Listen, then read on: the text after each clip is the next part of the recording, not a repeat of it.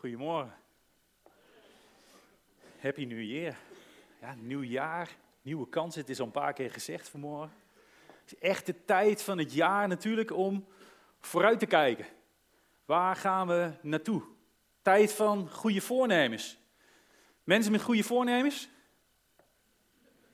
Ja, doe maar. Jullie durven niet, hè? Ja? Ja? Ja? Wat is je goede voornemen? Elke, elke maand een appelflap eten. Elke maand een appelflap. Nou, ik vind het, eh, ik vind het een goeie hoor. Ja hoor, lekker, lekker. Daar zeg ik, wat is uw goede voornemen? Ja? Sorry? Goed zijn veranderen, hele goeie. Nog meer? Ah, jullie durven niet, hè? Ja, dat maakt allemaal niks uit. Ik heb, eh, ik heb een filmpje. Ook eh, over goede voornemens. Natuurlijk heb ik goede voornemens. Het is belangrijk dat je mensen helpt. Gandhi met de kale bats. Die zei ooit, eh, wees zelf de verandering die je in de wereld wil zien. Snap je? Nee, maar snap je het ook? Snap je? Hallo mevrouw, gelukkig nieuwjaar. Ik ga u helpen oversteken. Jawel, kom maar, kom maar. Wacht, wacht, wacht. Gelukkig nieuwjaar, hè? Hier, ja, kom maar. Ik pak de koffer wel. Ik pak de, ik pak de koffer wel even, dat is makkelijker voor u. Gelukkig nieuwjaar, hè? Mevrouw, de koffer. De koffer. Ik sta hier alleen maar, hè? Gelukkig nieuwjaar, meneer. Wat zegt u? Is u wil eigenlijk dat ik verder weg sta? Dan ga ik hier staan. Ik let wel op dat er niemand eh, uw geld afpakt. U doet wat je kan, hè. Meneer, gaat u maar voor. Ik pas wel op. Kijk, oh, je moet even het pasje zo. Zo. Zo. Goed, dat is beter, hè. Ik wacht wel. Ik, ik kijk wel even of, er, eh, of je niet overvallen wordt. Ja, het pas één dag begonnen, maar het is toch fijn om te merken dat mensen het echt waarderen als je ze helpt. Want we zijn toch op de wereld om elkaar, om elkaar te helpen, nietwaar? Snap je? Dat zit in je hart. Snap je?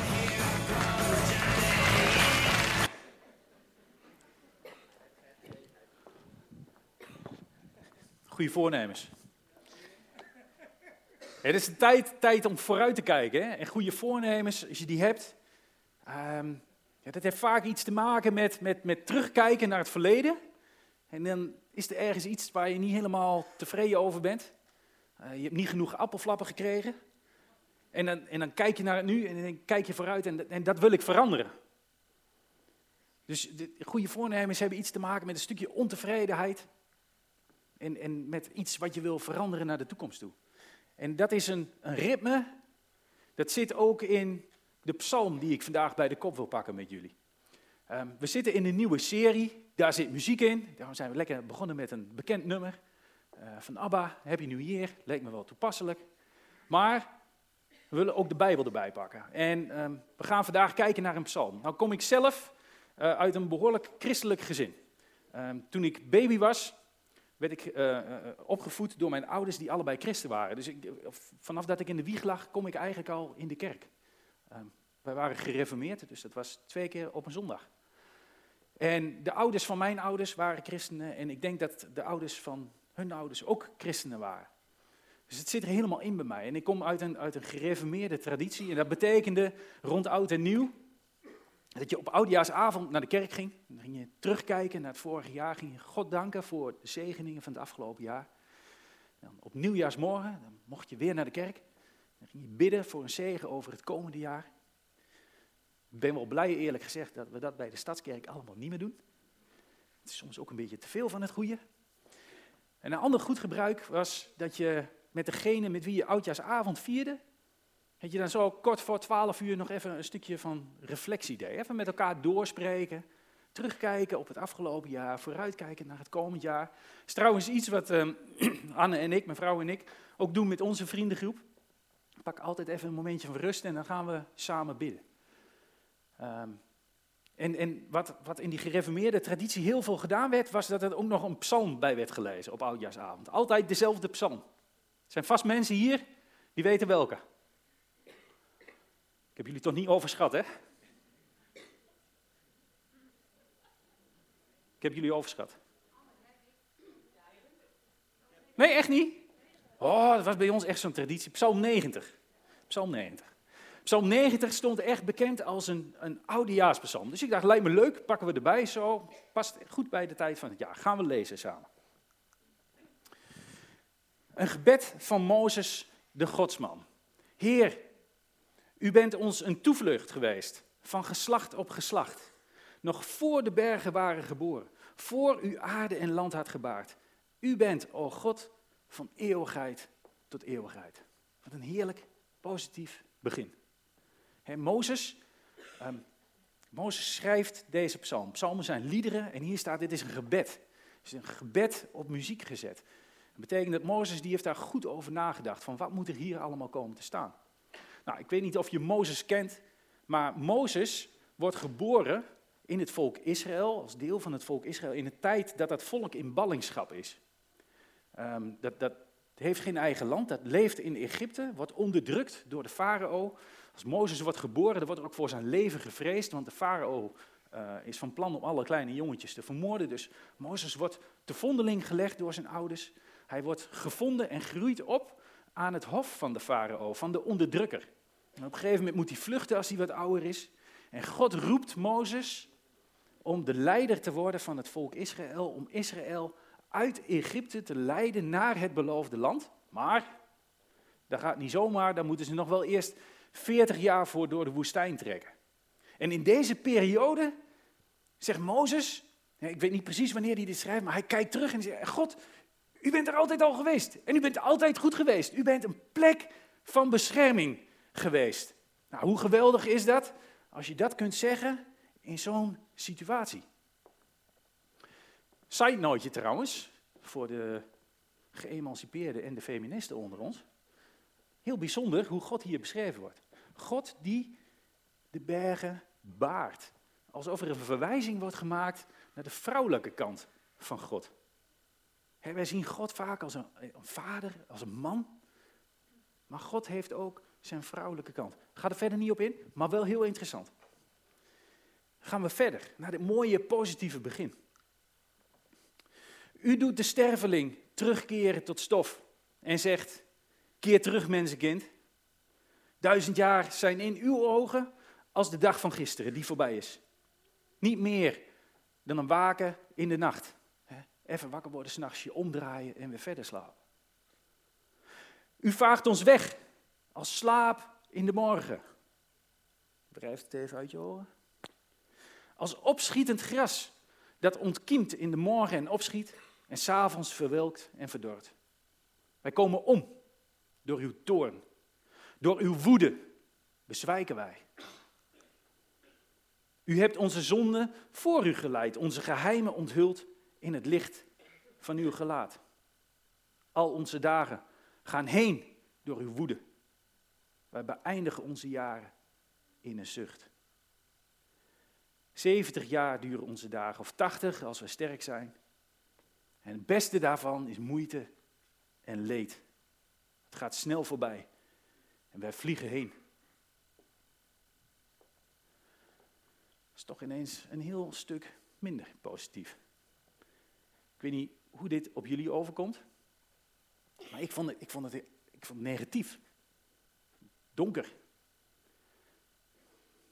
Het is, niet, het is niet het beeld van God dat je graag ziet. Je hebt liefde over die, die liefdevolle God. En dan hier woede, toorn, een kort leven, moeite, leed. Wie kent de kracht van uw toorn? Wie vreest oprecht uw woede? Leer ons zo onze dagen te tellen dat wijsheid ons hart vervult. Keer u tot ons Heer, hoe lang nog? Ontferm u over uw dienaren. Er zit een, zit een beetje een soort van, van omkeer hier in deze psalm. En weer, weer heeft Mozes het over toorn en over woede, maar er staat een vraagteken achter. Wie, wie kent nou eigenlijk echt die toorn en die woede van God? Kennen wij God wel echt? Begrijpen wij God wel echt? En, en, er zit een, een, een verlangen naar van Mozes om, om God beter te leren kennen. Leer ons onze dagen tellen, dat wijsheid ons hart vervult.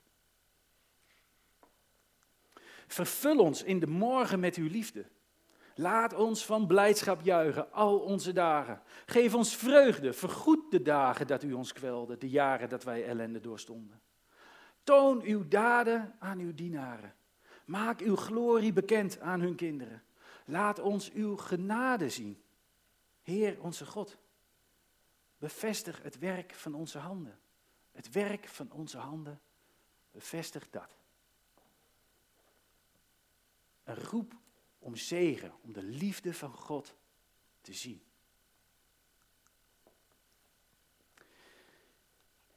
Pittige psalm, vind je niet? Pittige psalm.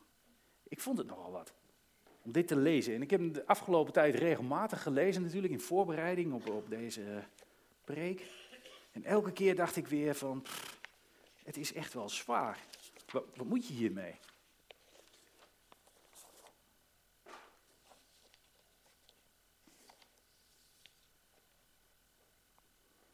Het, is, het, is, het schept een beeld van God dat, wij, dat we niet zo, niet zo kennen, dat we niet zo gewend zijn hier in de stadskerk. We, we kijken altijd naar, naar de liefdevolle God. Want we willen, we willen mensen aansporen en bemoedigen en enthousiasmeren. Ja, en dan, en dan dit. Een God die, die, die toornig is, die, die boos, woedend is zelfs. Het, het is zo'n zo'n ander beeld. In het begin dan gaat het op zich nog wel, dan gaat het over, over de tijdigheid van de mens ten opzichte van de eeuwigheid van God. En de mens is klein en, en God is groot, maar dat herkennen we nog wel. Maar dat God toornig en woedend zou zijn. Ja, ik dacht, ja, wat moet je daar dan mee? Hè? Het, het, is wel iets wat in de Bijbel staat. Ik denk, ja, ik kan snel een ander Bijbelstukje opzoeken waar veel meer vrolijkheid en, en enthousiasme in zit. Ik dacht, nou, misschien is het toch ook wel eens goed om hier met elkaar naar te kijken. En ja, wat, wat betekent dit nou bijvoorbeeld voor mijzelf? Hoe, hoe sta ik er zelf in? En, en hoe kijk ik dan, hè, net zoals Mozes, hoe kijk ik dan terug en hoe kijk ik vooruit? Hoe doe jij dat? En uh, ja, ik bedoel, ik ben nu, ik ben 52 nu, ik ben geboren in 1971. Nou, als ik dan terugkijk, um, denk ik maar even bij mezelf dat ik redelijk op het gemiddelde zit van wat hier in de zaal zit. Zal niet helemaal zo zijn, maar vooruit.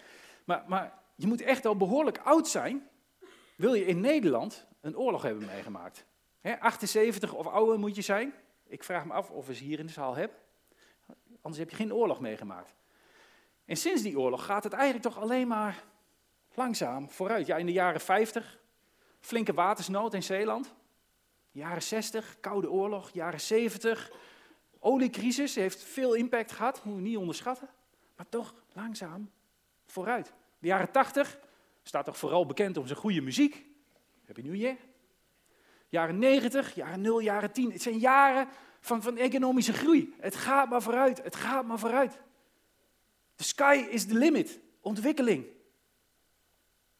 Ah, tot, tot een paar jaar geleden. Tenminste in mijn beleving. Hè? 2020 komt COVID langs. Sinds die tijd lijkt het wel, het lijkt wel veranderd op de wereld. Pandemie, oorlogen, klimaatverandering, daar kunnen we niet meer onderuit. Klimaatverandering die echt iets doet met deze wereld. En, en wat, is dan, wat is dan mijn rol daarin? ik heb ook een aandeel in deze maatschappij. Hoe, hoe gedraag ik mij in deze maatschappij? Hoe, hoe, hoe ga jij daarmee om? En, en hoe sta je in relatie tot God? Een God die boos is en woedend is? Ik vind geen feest van herkenning. En e-, eerlijk gezegd, als ik echt eerlijk naar mezelf kijk, en ja, dan, ik ben gereformeerd opgevoed, dan weet ik dat ik een zondig mens ben en klein ten opzichte van God. Maar als ik eerlijk vanuit mezelf naar mezelf kijk, ja, dan vind ik eigenlijk dat ik het zo slecht niet doe. Dat ik best wel, best wel netjes leef. Doe wel mijn best. Ik bedoel, gewoon een goede baan. Ik probeer goed voor mijn gezin te zorgen. Ze lief te hebben. Probeer ik een beetje op mijn buren te letten.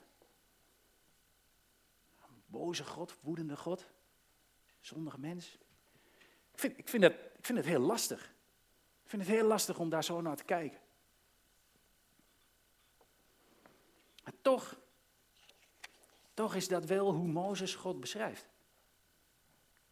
En het is misschien wel eens goed om daar een keer bij stil te staan. Waar komt dat nou vandaan? Is, is God nou echt, echt een boze God? Een woedende God? Willen we God wel op die manier kennen? We willen toch veel liever kijken naar die vriendelijke, positieve kant. Die vergevende kant van God, die liefhebbende kant van God. En dat is logisch. Zeker als je, als je naar jezelf kijkt als individu. Ja, doe ik, het, nou wel zo slecht? Moet God wel toornig, boos zijn? Maar als je, als je het even iets anders gaat bekijken, als je een klein beetje meer afstand neemt. En je plaatst het in een wat groter kader. Je kijkt van een afstandje naar de wereld. De wereld die God geschapen heeft. Mooi geschapen heeft. Met geweldige natuur. De mens die hij daarop gezet heeft. En als je dan kijkt wat er met die wereld aan het gebeuren is. Als je dan kijkt hoe het kwaad woedt op deze wereld. Het kwaad in Rusland en Oekraïne. Het kwaad van de Hamas in Israël, Gaza, hoe Israël daarop reageert.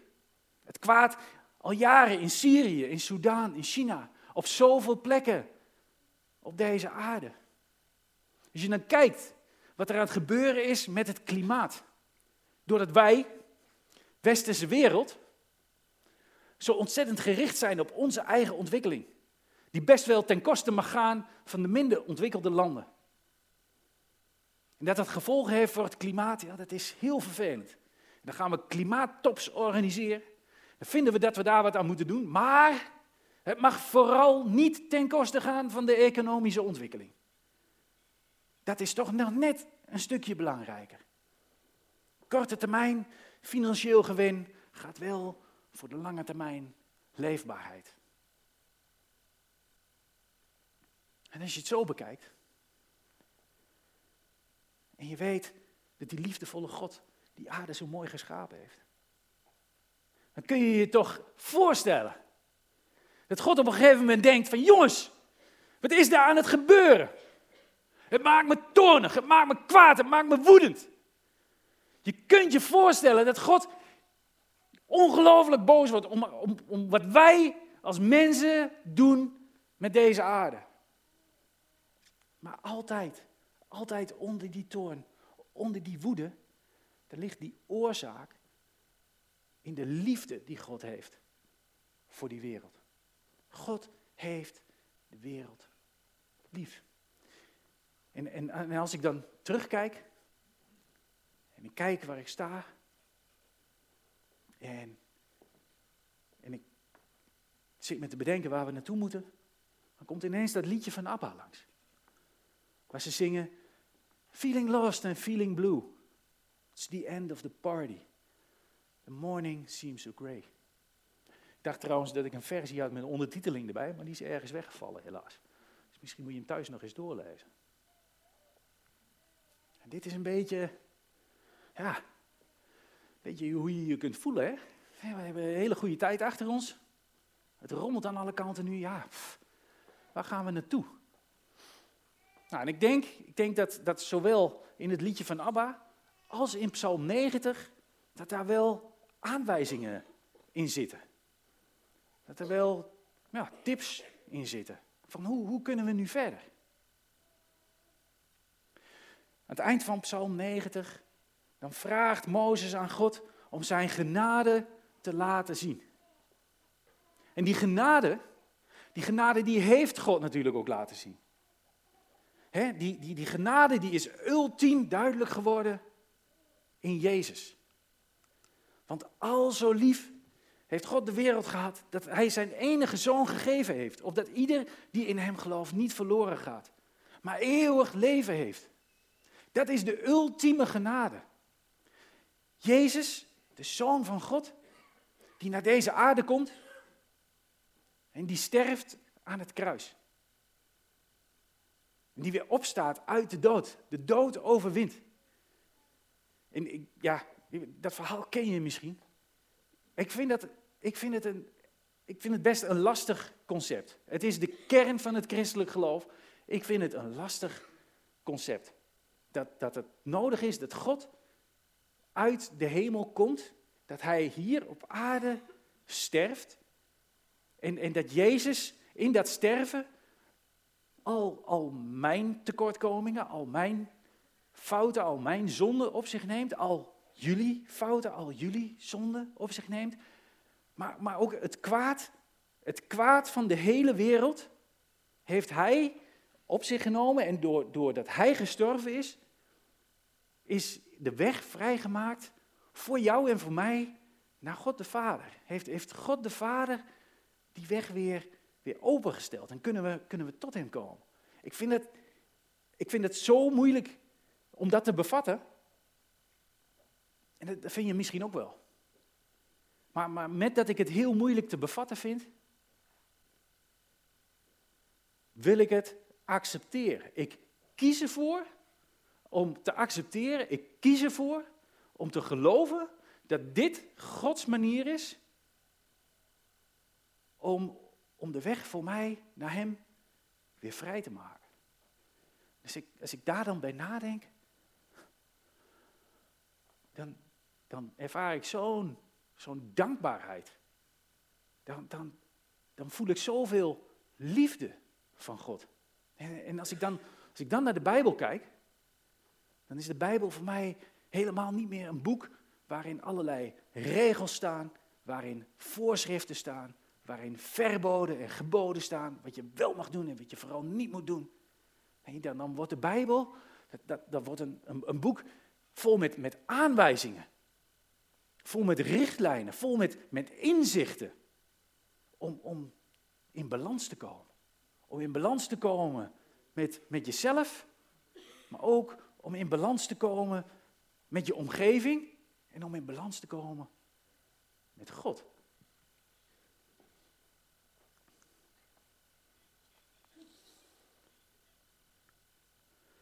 En hoe gaan we dan 2024 in? Wat kunnen we daar dan mee doen? Welke, welke voornemens heb jij voor jezelf wel of niet bedacht? Waar, waar richten jouw voornemens zich in de eerste plaats op? Gaat het, gaat het uh, zoals wij heel erg gewend zijn, vooral om je eigen individu? dat is ook heel erg hoe wij worden opgevoed natuurlijk in, in deze maatschappij. Je moet het zelf maken, want als je het zelf niet hebt gemaakt, dan zul je wel ergens zelf iets verkeerd hebben gedaan. Of kijk je ook naar je omgeving?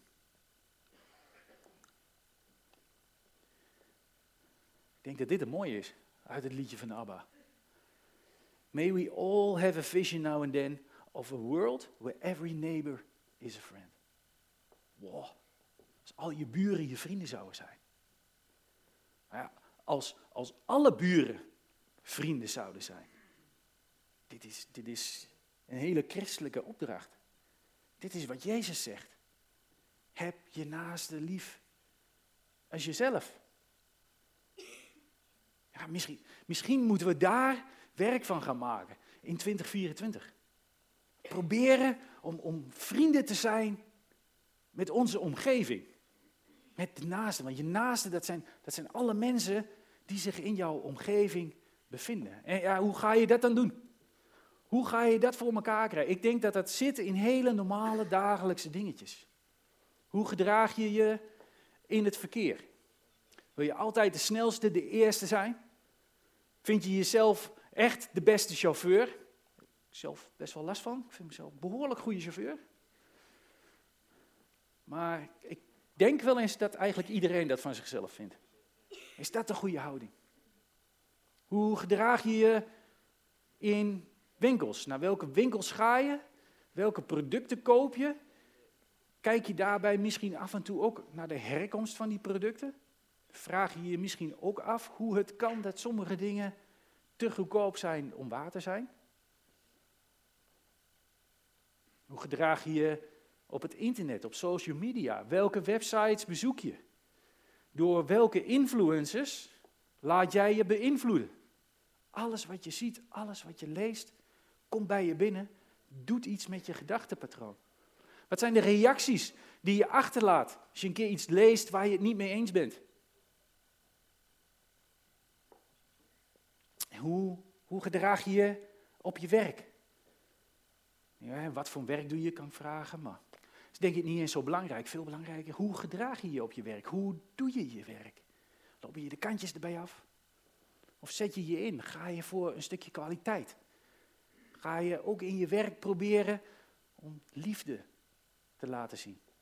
Ik denk dat het, dat het vooral in dit soort dagelijkse dingen zit, dat je het verschil kunt maken. Laat je je leiden door je eigen gevoelens, je eigen gedachten, je eigen emoties. Of laat je je leiden door liefde. De liefde die God voor jou heeft, die jij door mag geven. De liefde die Jezus ons leert.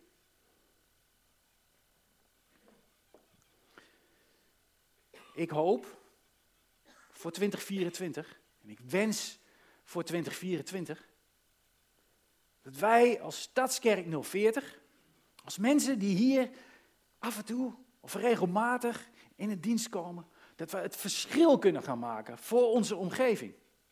Dat we de liefde kunnen laten zien in onze omgeving. Dat wij een, een visitekaartje mogen zijn voor God. En, en ik hoop dat ook jij je daarvoor zou willen inzetten. En als je dat wilt, als dat ook jouw voornemen mag zijn, dan wil ik je bemoedigen met, met woorden die, die de apostel Paulus, hè, Paulus is iemand die heel veel in de Bijbel heeft geschreven, die hij schrijft. Geliefde broeders en zusters, zijn we allemaal van elkaar. Wees standvastig en onwankelbaar. En zet u altijd volledig in voor het werk van de Heer. In het besef dat door de Heer uw inspanningen nooit vergeef zijn. Zet je in. Ga voor die positieve invloed op je omgeving. En dan mogen we bidden met Mozes. Laat ons uw genade zien, Heer onze God. Laat ons Jezus zien. Bevestig het werk van onze handen. Het werk van onze handen, bevestig dat. Happy New Year.